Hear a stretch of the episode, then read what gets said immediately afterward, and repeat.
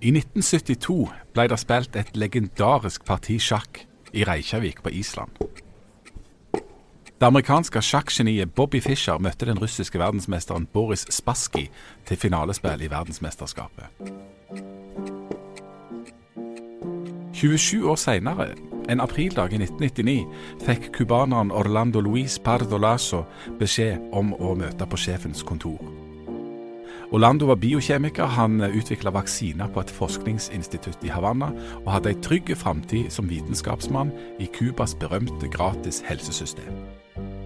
Men denne dagen i 1999 falt hele denne framtida i grus.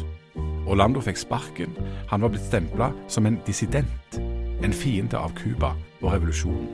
Suddenly, something serious happened.